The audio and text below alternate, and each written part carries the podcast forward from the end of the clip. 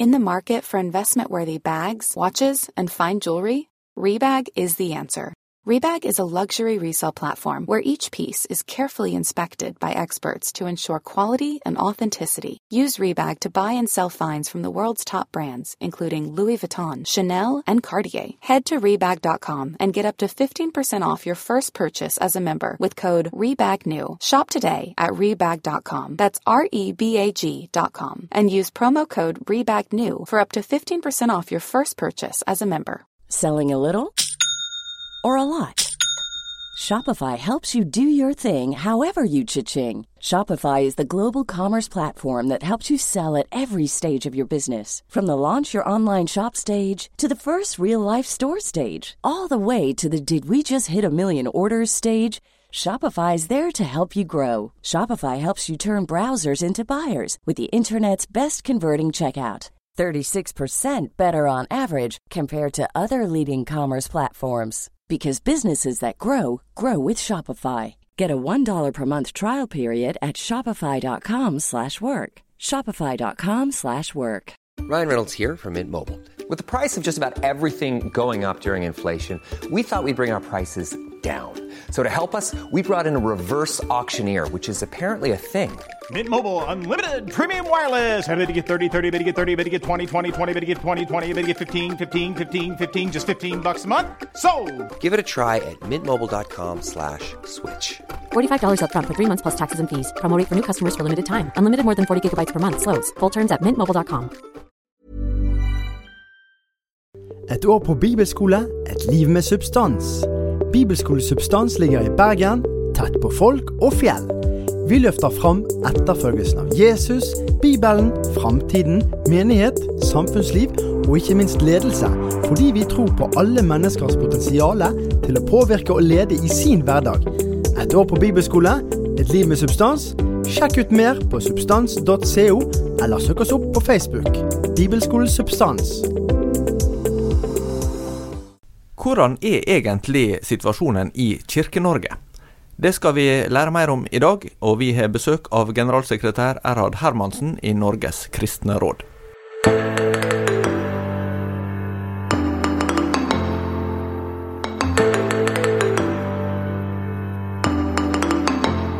Velkommen til en ny episode av eh, Tore og Tarjei, en podkast fra dagen. Tarjei Gilje og jeg, Tore Hjalmar Sævik, er på plass her i studio, og vi har også med oss deg, Erhard Hermansen, generalsekretær i Norges kristne råd. Velkommen. Takk for det. Det er jo et gjensyn for meg, da, å ha deg her. Eh, vi har felles bakgrunn med å eh, Altså, det var sånn at da du kom til Herøy for å bli ungdomspastor i Herøy frikirke, så reiste jeg fra Herøy. Mm. Men det hadde ingen årsakssammenheng. Det var ikke sånn jeg reiste fordi du kom, men tilfeldigvis var jeg da ferdig med videregående og skulle begynne å studere. Eh, men eh, nå har du vært i Herøy i mange år, men det siste året eh, eh som pastor i, i Herøy frikirke. Eh, men det siste året så eh, har du jobba som generalsekretær i Norges kristne råd. Kan du fortelle noe om hva dere holder på med der? Norges kristne råd eh, driver ganske vidt og variert, fordi vi er en nettverksorganisasjon på tvers av kirkene. Eh, Norges kristne råd eh, pleier, Jeg pleier å si at Norges kristne råd er det et av de bredest sammensatte økumeniske rådene i hele verden. Vi inkluderer de ortodokse kirkene, katolske kirke og de frikirkelige kirkene og trossamfunnene. Eh, og på jeg tenker Noe av det som vi, det viktigste for oss som Norges kristne råd, det er å bygge gode relasjoner kirkene imellom. Altså Utgangspunktet vårt er det bibelske budskapet fra Jesus sjøl om at de alle må være ett for at verden skal tro. Og vi tror at når kirkene har denne relasjonen til hverandre og denne, opplever denne enheten, så vil det også være et tydelig uttrykk utover for, uh, for verden, for at de skal kunne se Jesus og bli kjent med han. Men vi driver med alt ifra eh, teologiske samtaler, vi driver med religionspolitikk. Vi driver med flerkulturelt arbeid innenfor migrasjonsfeltet og konvertittfeltet. Eh, vi driver med eh, skal jeg si, religion og utviklingssamtaler. Eh, vi setter fokus på globale rettferds... Eller også kanskje si urettferdighetsspørsmål. De siste åra har vi hatt et stort fokus på moderne slaveri og den kampen som ikke bare pågår internasjonalt, men det at vi faktisk har ganske mange i vårt eget land som lever under slavelignende forhold av ulike grunner. Dere hadde jo et var det rådsmøte i april, hvis jeg ikke husker feil, der dåpsspørsmålet var oppe. Det er jo en sånn, en sånn spørsmål som for, for kirkeaktive kristne har vært en velkjent sånn identifikasjonsfaktor i lang tid. Har du det eller det dåpssynet? Mens det er kanskje et spørsmål som ikke har engasjert så mye i den offentlige debatten i, i nyere tid. Så ser vi jo mer og mer trekk i retning av at eh, mange kanskje som er pinsevenner, går i lutherske sammenhenger, og, og mennesker som har et barnedåpssyn, uh, hører til i pentekostale menigheter, og det, man prøver å finne ut av det på ulike måter. Uh, for det første, hvordan opplever du at dette spørsmålet fungerer definerende innenfor og utenfor uh, i dag? Og videre, slags utvikling ser du egentlig for deg der? Kommer det til å være et sånt spørsmål som har sprengkraft om fem og ti år, f.eks., når det er egentlig mange andre spørsmål man diskuterer mye mer nå, da? Mm. Altså jeg, jeg har jo sett eh, i flere år at folk eh, vandrer eh, kirken imellom med ulike dåpssyn, og jeg tror at eh, i mindre grad enn det var før, så opplever eh, de som kommer da fra en luthersk sammenheng til en pentakostal sammenheng, at det legges et krav om at eh, de må eh, døpes på nytt igjen. Eh, at de, kan, de opplever at de kan få lov å være fulldeltagende, og også i flere av menighetene opplever de at de kan være fullverdige medlemmer med det dåpssynet de har, og det tror jeg har vært Uh, um, ja, jeg tror det har vært veldig viktig for dem, og jeg tror at en del tenker litt mindre på det. Jeg er døpt, det er utgangspunktet, og så tenker de ikke så mye på hvilket tidspunkt det skjedde. Det, det har skjedd, og det identifiserer de. Uh, og jeg tror at vi vil se mer av det. Jeg tror at det er en helt nødvendig og viktig samtale å ta på tvers av kirkene. Situasjonen er helt annerledes eh, enn den var for 30 år siden, hvor det var veldig sånne tette skott, og du gikk i et sted eller et annet sted. Eh, Jeg har blitt fortalt at, at her i avisen var det jo i 80-årene, tilbake i 80-årene, eh, en ganske intens dåpsdebatt. Jeg lurer på om det gikk over flere år nærmest, som ville ingen ende ta. Og det, kom, det gikk så langt at etter hvert så sa redaktøren en gang at vi kan ikke ha dette her. Vi slutter å ha dåpsdebatt. Så det var nærmest forbudt med dåpsdebatt i dagen i en generasjon, fordi følelsene var så sterke. Uh, og det visste jeg om når jeg fikk ansvar for debattspalten, så da i utgangspunktet var jeg veldig forsiktig med det. Men så testet vi litt, og i dag er det jo, er det, jo det er noen ytterst få som engasjerer seg i den måte, teologiske det, diskuteres jo på en måte om folkekirkens dåpspraksis, der, der spørsmålet om, om tro ikke lenger er like sterkt betont, men selve denne her barnedåp, troendes dåp eller voksendåp, det er der er ikke det mange som, eh, som tar del i avisdebatten, i hvert fall, mm. om det spørsmålet. Nei, men jeg tror også at altså, i, det, i større grad, i veldig mange sammenhenger, så blir det på en måte løfta fram at tro og dåp hører sammen. I frikirkelige, altså i den evangelisk-lutherske frikirke så kom det jo inn en del av liturgien også, at, at først nå det bare at ved dåp, men nå har det kommet inn at ved dåp og tro, fordi de hører sammen. Uh, så Det gjør også noe med uh, skal jeg si, dette spørsmålet på tvers av kirkene. Det jeg opplevde på det rådsmøtet som du refererer til i mars, eh, når Terje Hegertun hadde sitt innlegg og innleda videre til samtale, var at det var en utrolig Det var en ekte, åpen og respektfull samtale som gjorde at det gikk an å snakke om det, selv om man også da ser ulikt på det. Så um, kunne man nærme seg dette uh, på en ordentlig god måte. Nettopp, nettopp. Terje Hegertun er vel en av landets mest eh, teologisk utdannede pinsevenner. Mm, det er helt riktig. Ja. Eh, Du kommer jo sjøl fra den evangelisk-lutherske frikirke. Hva tenker du at du har med deg som bakgrunn inn i det økumeniske arbeidet, ut fra, fra hvor du kommer fra? Jeg, altså jeg tenker at min eh, oppvekst i Arendal var kanskje noe av det som eh, var første instrumentet til eh, å tenke økumenikk, selv om vi ikke brukte ordet økumenikk på det tidspunktet. Eh, fordi i min ungdomstid så var ungdomsarbeiderne og ungdomsarbeidet i Arendal, hvor jeg vokste opp, og jeg vokste opp i Frikirka, veldig opptatt av at eh, skulle vi gjøre noe overfor byen, så måtte vi gjøre det sammen. Vi kunne ikke gjøre det aleine. Eh, Så for meg var det å se at, eh, at ungdomsarbeidet i Frikirka var med å bidra inn i den skal kalle det økumeniske sammenhengen der. Så, eh, noe som gjorde noe med meg. Jeg så at det har stor betydning.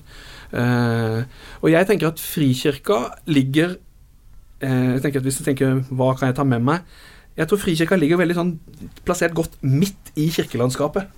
Det tror jeg at liksom, er, Vi kan på en måte ha en arm ut begge veier i samtalen. Og min erfaring med det å være da plassert omtrent midt i kirkelandskapet, gjør at det er lett å følge samtaler og bygge nettverk begge veier. Eh, når dere jobber med samarbeid, så har dere bl.a. nå hatt eh, en slags turné eh, som handler om å være kirke i en ny tid nå i Mm. vår. Kan du fortelle noe om hva som var tanken bak, og hva erfaringer dere har gjort med det? Bakgrunnen for de ni regionale samlingene som vi hadde tidligere i år, det var et kirkeledermøte i fjor hvor fokuset ble satt på hvordan ser samfunnet ut om 20 år, og hva må Kirken gjøre for å skal jeg si, respondere i forhold til det. Eh, Dette var gjort på et kirkeledernivå, men så var det helt tydelig at dette handler jo om hvordan vi lever som menighet på et menighetsnivå. Så Derfor så var det viktig for oss å arrangere konferanser eller regionale samlinger hvor vi fikk møte menighetslederne, prestene, pastorene, ungdomsledere osv. For å snakke med de om eh, hva vil skje fremover, eller hva kan komme til å skje. Eh, og hva skal Kirken gi som svar til det. Eh, og vi eh, reiste da ni forskjellige steder i landet og møtte veldig mange forskjellige fra veldig forskjellige sammenhenger, og ser jo at de står også i forskjellige har forskjellige utfordringer. Men jeg opplevde at det er et sånt sterkt ønske om å være med og eh, skal jeg si, være en relevant kirke fremover. Altså må vi finne noen grep i forhold til det. Men, men når- dere snakker om endringer i samfunnet, kan du nevne noen av de endringene en ser for seg fra et mer sånn sosiologisk eh, perspektiv? Ja, så jeg tenker at eh, eh, Det er jo mange ting. Jeg tenker, vil, fortsatt, vil det fortsatt være en økt migrasjon, f.eks.? Hva vil det bety for de skal jeg si, tradisjonelle menighetene? I hvor stor grad klarer de å integrere, eh, eventuelt hvis det fortsetter en stor økning migrasjon? Eh, fordi jeg tror at noe av utfordringen kan være at vi, vi reindyrker det miljøet som vi kjenner veldig godt, eh, og så kan vi gjøre det litt for lenge. Til slutt så, så er det få igjen i det miljøet. Eh, og skal vi tenke en fremtidig kirke, så må vi tenke både hele generasjoner, vi må tenke multikulturelt, vi må tenke ulike uttrykksformer, fordi det er ikke sånn at alle passer inn i én fasong og én setting. Og det tror jeg er også Altså skal vi være en kirke for fremtiden, så må vi gi avkall på det monokulturelle. Det må, være, mm, eh, det må åpnes mye bredere opp. Det tror jeg er noe av det vi, vi ser da. Det er jo somme som tenker at eh, når eh, kirkene prøver å fornye seg, så ender de egentlig opp med å bli veldig like. Eh, altså at eh, når en skal måte ta farvel til mer sånn tradisjonell stil, enten det er liturgisk eller litt mer sånn eh, lavkirkelig møtestil, så ender en opp med at alle minner veldig om det, de inntrykkene kulturelt som en får fra moderne eh, amerikanske menigheter med måtte, ja, moderne musikk og band og, og, og sånn. Eh, hva, hva tenker du om det? Er, er det en observasjon du, du tror det er noe i? Jeg tror nok at det har vært sånn eh, flere steder over også flere tiår. Men jeg tenker at skal man kunne være relevant som kirke, så må man være relevant på det stedet man er. Eh, altså Da jeg flytta i 1998 fra Oslo til Herøy for å være med og bygge menighet der, så kunne ikke jeg bygge en Oslo-menighet i Herøy som hadde en helt annen kulturell bakgrunn, og det kirkelige landskapet var mye mer lavkirkelig. Da måtte jeg ha på en måte kjennskap til det stedet jeg kom, og de folka som var der, for å være med å bygge en relevant kirke der. Eh, og det tenker jeg er eh, ja, det tenker, jeg er viktig når man skal bygge kirke. At man tenker hvor er jeg hen, hvor kommer jeg hen, hvem er de folka jeg skal nå, hva er det som rører seg i dette samfunnet? Og så vil det også prege både uttrykksformene våre og eh, menigheten ellers, da. Når du er rundt omkring på disse her eh, regionale samlingene, kan du si noe om inntrykk av Det er jo veldig forskjellige plasser. Dere har vært ni plasser, så, så Mm. får dere vel inntrykk fra hele landet. Da. Men, men er det noen sånn eh, variasjoner som du, som du særlig biter deg merke i? Det er nok enkelte steder hvor eh, skal jeg si, hvor eh, frikirkeligheten kanskje står litt svakere, og samtidig opplever eh, prester i Den norske kirke at det er for lite rom for skal jeg si, kreativ tenkning og for å kunne gjøre nye ting, og at eh, de har en, en form Skal ikke si at den kanskje alltid er slik, men det er iallfall en følelse de har som begrenser det litt i forhold til det å tenke en kirke med nye, varierte uttrykk. da. Eh, Så det ser vi at det er forskjell fra sted til sted hvor vi kommer, og hvordan de opplever det. Og noen Ja. I Norge har jo, har jo lavkirkeligheten vært eh, ganske sterk, og, og der har man jo vært opptatt av òg å betone disse spørsmålene er eh, splittende. Sant? Her går grensen. Eh, ja, vi kan ha kristen enighet, men til dette punktet ikke lenger enn det. Eh, og og det, de punktene har jo forandret seg litt gjennom, gjennom historien. Og i, i møte med en, en brei økumenisk orientering, så, så blir det jo på et eller annet tidspunkt tydelig at man står overfor ulike, ulike tilnærminger. Hvordan tenker du fra Norges kristne råd ståsted? Altså for saks skyld, liksom, hvor går grensen? Eh, når er det du må si at nei, du kan ikke være med i Norges kristne råd hvis du mener dette?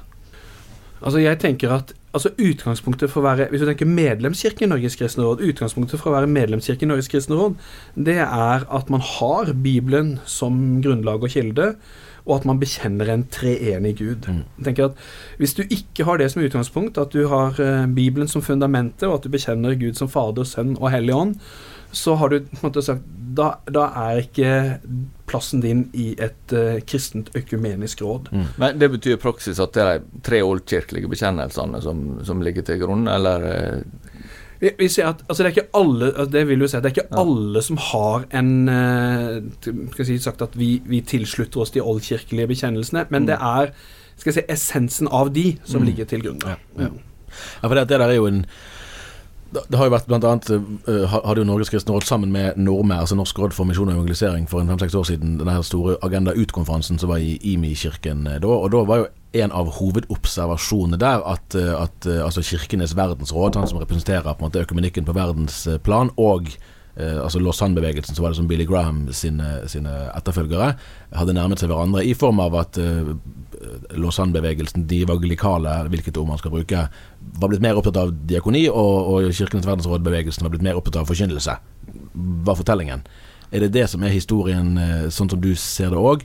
Og, og i så fall, måte, hva, det, hva slags endringer er det egentlig vi står overfor da? Eksempel lurer jeg på, har, ser vi i Norge at det er flere og flere lavkirkelige, frikirkelige som blir trøtte av alle konfliktene? At de gir litt opp? Er det det som gjør at veien inn i det større fellesskapet blir kortere?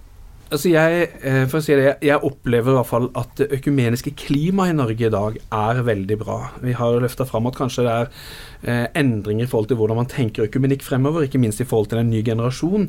Men jeg opplever at det generelle økumeniske klimaet er veldig godt. Man snakker godt sammen også på de punktene hvor man er står litt ulikt. Eh, når det gjelder å trekke grenser, så, så tror jeg det er litt sånn individuelt på jeg si, fra sted til sted. Man finner sammen, men så definerer man hvor langt er man villig til å gå. For noen så er kanskje det å ha gudstjeneste i en, et sted ikke naturlig, mens for andre så er det på en måte en helt integrert del av det. Og jeg ønsker jo at man skal kunne komme, ta nye steg også der, og det tror jeg skjer når man eh, deler både tro, liv, erfaring med hverandre. Eh, Men jeg opplever at uh, Ta f.eks. disse to mm, måte, skal jeg si, strømningene som du eh, refererer til. De har over å nærme seg mer og mer, og at det mye mer er et integrert liv i det økumeniske landskapet. slik at misjon, diakoni, det går hånd i hånd eh, på, en, på en god måte. Men hvis, altså, for en del i den tradisjonen, som også for så vidt dagen står i, så vil jo en del si at dette, dette gjør de skuffet, fordi at det som er en nødvendig forutsetning for den type samarbeid, er jo at de evangelikale da eh, gir opp eh, og tenker at det og det Selvfølgelig, det opplagte er jo i vår tid det å snakke om samlivsetikken. At dette spørsmålet ser man ikke lenger på som splittende. Her er det et spørsmål man lever med uenighet om. Eh, Og det var jo det man sa for ikke så mange år siden, at det kunne man ikke gjøre. Eh, Hvordan, hvordan vurderer du utviklingen der? Nei, altså jeg tenker at eh, vi, I fjor så ga vi ut et hefte som handla om hvordan man snakker sammen om eh, vanskelige temaer i en kirkelig sammenheng. Eh, og Det var jo basert på en dialogsamtale om nettopp eh, likekjønna ekteskap. eh, hvor eh, de som var med i dette dialogarbeidet, hadde ulikt syn. Og Målet var ikke at man skulle endre syn. Man skulle få lov å selvfølgelig både ha det syn og stå på det synet, men man skulle prøve å forstå hverandre bedre. Og med det som utgangspunkt så, så eh, opplevde man at man både var kommet nærmere hverandre, at det var et grunnlag for fellesskap og samarbeid. Eh, men det betyr jo ikke at eh, man, man eh, i enkelte sammenhenger gir opp å være tydelig på hvor man står. Eh, men at det ikke diskvalifiserer i forhold til å kunne samarbeide godt. Eh, og, og det responsen på de, som en vil se i rapporten etter disse dialogsamtalene, det er jo at vi opplever at vi har kommet nærme hverandre. Vi opplever at vi har bygd et klima som er sterkere enn det var, nettopp gjennom å møte hverandre med, med respekt og åpenhet gjennom vanskelige samtaler.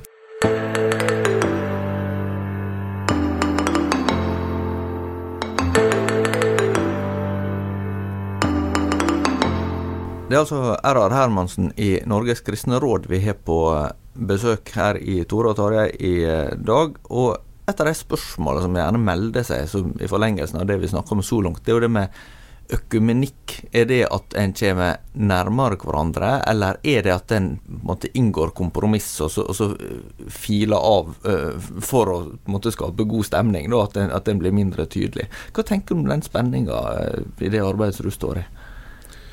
Altså, jeg tror at Det er nok noen som har sagt at det, det er lettere da å mm, skal jeg si, mene en del sånn uh, skal jeg si, ting rent politisk og være sammen om det, enn kanskje kjernen av teologien. Uh, men jeg, jeg, har et ønske, og jeg tror også at vi uh, gradvis vokser oss nærmere på de teologiske spørsmålene også. Jeg, jeg tror altså, jeg opplever at over tid så, så, har det økumeniske arbeidet og det økumeniske klimaet det har blitt forsterka, man er kommet nærmere hverandre. Ja, kan hende at jeg må få litt mer på spørsmålet ditt. Ja. For, nei, nei for, for, det er jo noen som, som, som da vil si at det, det, er lett i vår tid fordi vi er mindre teologisk bevisste, kanskje. Mm. Altså, altså at, at, eh, at det, er lett å bli enige om teologi hvis en ikke har tenkt så mye på teologi. Ja, mm. sånn sett, og jeg tror at i forhold til spesielt en ungdomsgenerasjon så er man kanskje mindre bevisste på det enn det man var i også min foreldregenerasjon. Ja. Uh, og de spør ikke så veldig mye om teologi når de går inn og ut av en kirkelig sammenheng. De finner et fellesskap hvor de trives og har det godt. Uh, og det gjør jo at kanskje også det er lettere for de å samarbeide, for de har ikke tenkt like mye på, på det. Uh, så det er nok altså en, retning man, man, ser og har, har, vært en stund, da. Jeg husker når, når jeg gikk på videregående, så var det fortalte han som var skoleprest på Danielsen, altså den kristne friskolen som nå eies av Indremisjonsforbundet og Misjonssambandet, at uh, de hadde av og til skolesamlinger i tabernaklet, altså Pinsekirken Tabernakel sine lokaler, som lå bare et par hundre meter fra, fra skole. Det var et, en, et rom som var større enn det de hadde på sin egen skole, som var praktisk å bruke. Men da var det foreldre som syntes det var, det var helt uaktuelt at deres barn skulle gå inn dørene i en pinsemenighet. Selv om det ikke var noe møte, det var bare en skolesamling. Og Det sier jo en del om hva slags kultur en del mm. kommer fra. Mm. Sånn at man har vært vant med å ha veldig skarpe skiller. Det går an å spørre, det blir jo kanskje vanskelig å fastslå svaret på det spørsmålet, men det går an å spørre om ikke den kulturen nå får en sånn motsatt effekt. da mm, ja. sånn at, at, det har vært så skarpe skiller at, at, de som er unge i dag vil tenke at vi skal i hvert fall ikke tilbake til det. Det tror jeg er helt riktig. Og når jeg også var i tenårene og kanskje herfra helt liten, så var det veldig tydelig å snakke om måte egentlig hvem som ikke var kristne, til og med. Man var veldig skarp i dette, eh, og det ser jeg ikke i dag. Og samtidig så ser jeg noe med det uttrykksformen som er blitt mye likere. altså det jeg vokste opp som, i Arendal, så var liksom, det var veldig stor forskjell på uttrykksformen. Du gikk inn i en pinsemenighet eller en frikirkemenighet. Hvis du går på en sommerfestival til eh, Misjonskirka, Frikirka, pinsebevegelse, så er uttrykksformen rimelig lik. Mm. sånn at det, det, har skjedd en del ting der også som gjør at du kanskje føler deg mer hjemme enten du går inn og ut av, ja, inn og ut av de ulike sammenhengene. Et annet felt som, som økumenikken eh, og, og, for så vidt eh, kristeligheten eh, prøves på, er jo i møte med, altså med det nyreligiøse, eller med andre religioner. Det har blitt aktuelt i vår i forbindelse med, med sjamanen og prinsessen, eller prinsessen og sjamanen var det vel de kalte seg for. Og Der var det jo en prest som egentlig skulle være altså Silje Trym Mathiassen, dialogprest i Stavanger, som skulle være vertskap på en måte for samtalen sånn som den var ment å skulle være. Hvordan, hvordan møter Norges kristne råd, tenker du, på en god måte Eh, det samfunnet vi lever i nå, eh, der man ønsker å ivareta sin kristne integritet, men samtidig må ta inn over seg at det Norge vi lever i, er et annet Norge enn det vi kjente for 30, 40, 50 eller 100 år siden. Altså Jeg tenker at uh, dialog alltid er bra. Mm. Men da må det også være på dialogens premisser. Eh, så det handler om hvis noen eh, da, jeg var pastor, hvis noen hadde sagt at vi ønsker å ha, bruke kirkerommet til en utøvelse av et eller annet, så hadde jeg sagt det er ikke plassen til det. Men jeg kan godt møte dere til en dialog. Mm. Og det tror jeg også at dialog skal vi arbeide med aktivt i møte med både de andre religionene og nyreligiøsiteten. Det å kunne sette seg ned og snakke sammen om, men også trekke noen grenser og noen linjer for, for uh, alt skal ikke inn i en utøvelse uh, innenfor vår sammenheng. da. Mm. Men er det også spørsmålet du tenker at dere har en rolle i det å måtte sette Kirken i, i kontakt med, eh, med livssynsmangfoldet i, i, vår tid? Eller eh, altså, jeg tenker at Norges kristne råd er medlemmer i Samarbeidsrådet for tros- og livssynssamfunn. Eh, der har vi tre representanter fra de ulike kirkene. Eh, og jeg tenker det er et, en slik arena hvor vi kan møte hverandre, eh, dele erfaringer, ta opp ulike aktuelle temaer. eh, og vi bringer egentlig si, hverandre i kontakt med hverandre. da. Jeg tenkte angående det med, med kontakt og, og, og eh, forhold til samfunn, så, så eh, vil jeg knytte en tråd tilbake til det som vi snakka om Kirke Ny Tid og de, sam, regionale samlingene som dere hadde i sommer. For da hadde jo dere med dere biskop Graham Craig fra den anglikanske kirke i, i England. Eh, Setter han ord på noe, hva som er likt og forskjellig? Altså, vi, vi lever jo en del av verden som er blitt sterkt sekularisert over, over eh, egentlig ganske mange år. men, men er det ting som er måte, spesielle for Norge sammenlignet med England? så er det noe om det? Han delte ikke så veldig mye om akkurat det, for hans perspektiv var på en måte mer eh, hva kirkene gjør.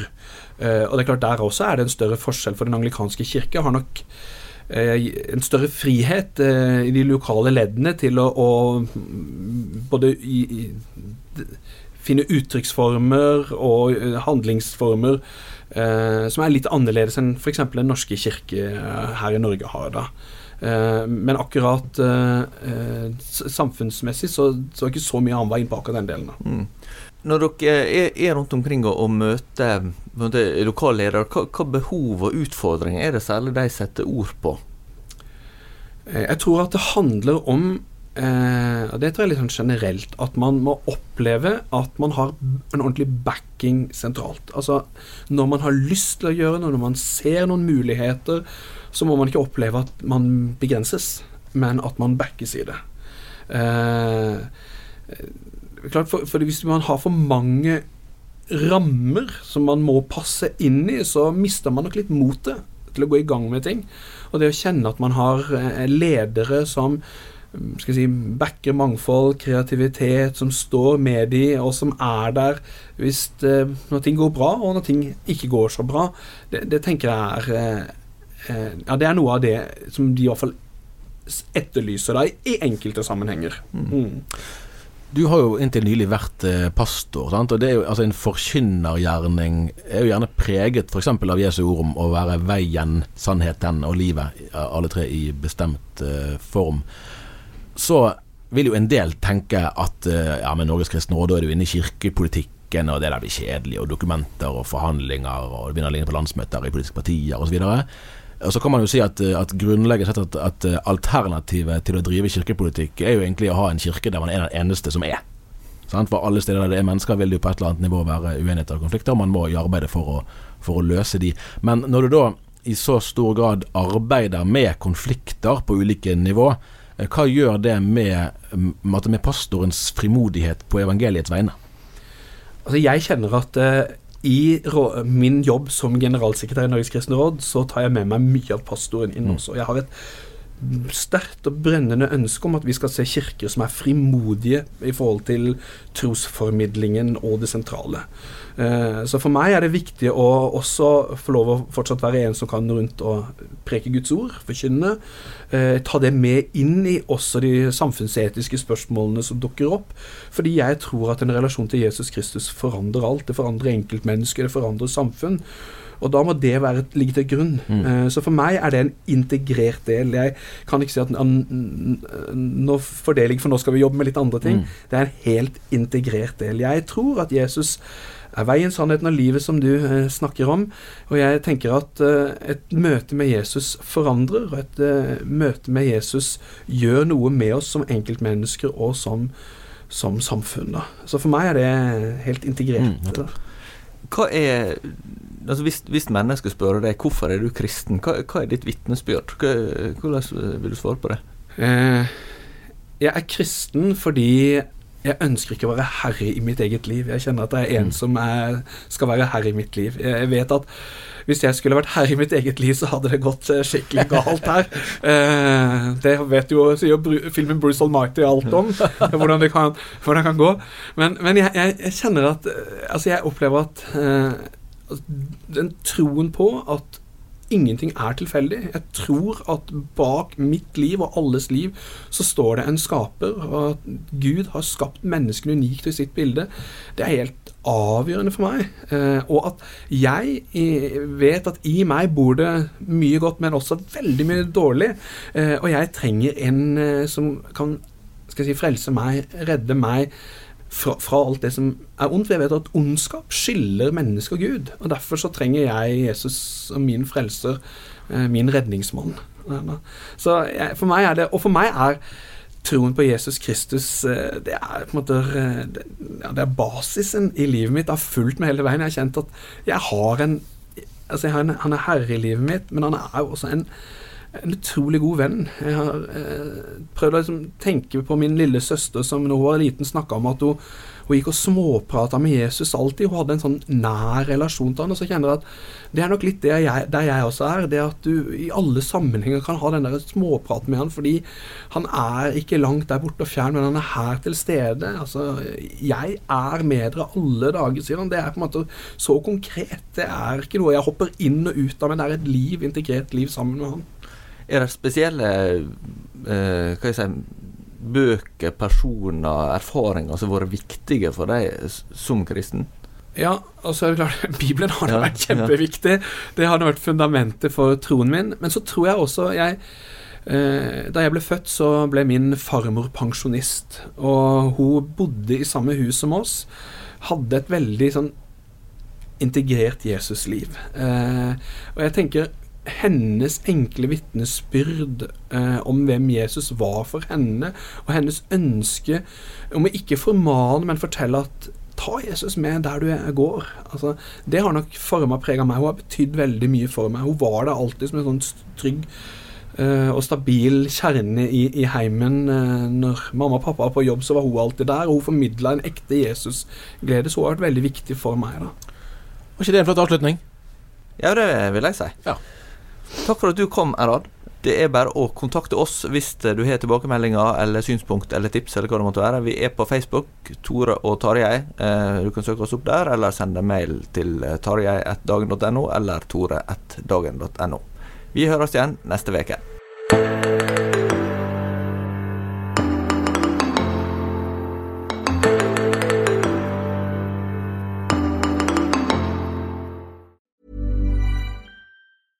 Selling a little or a lot?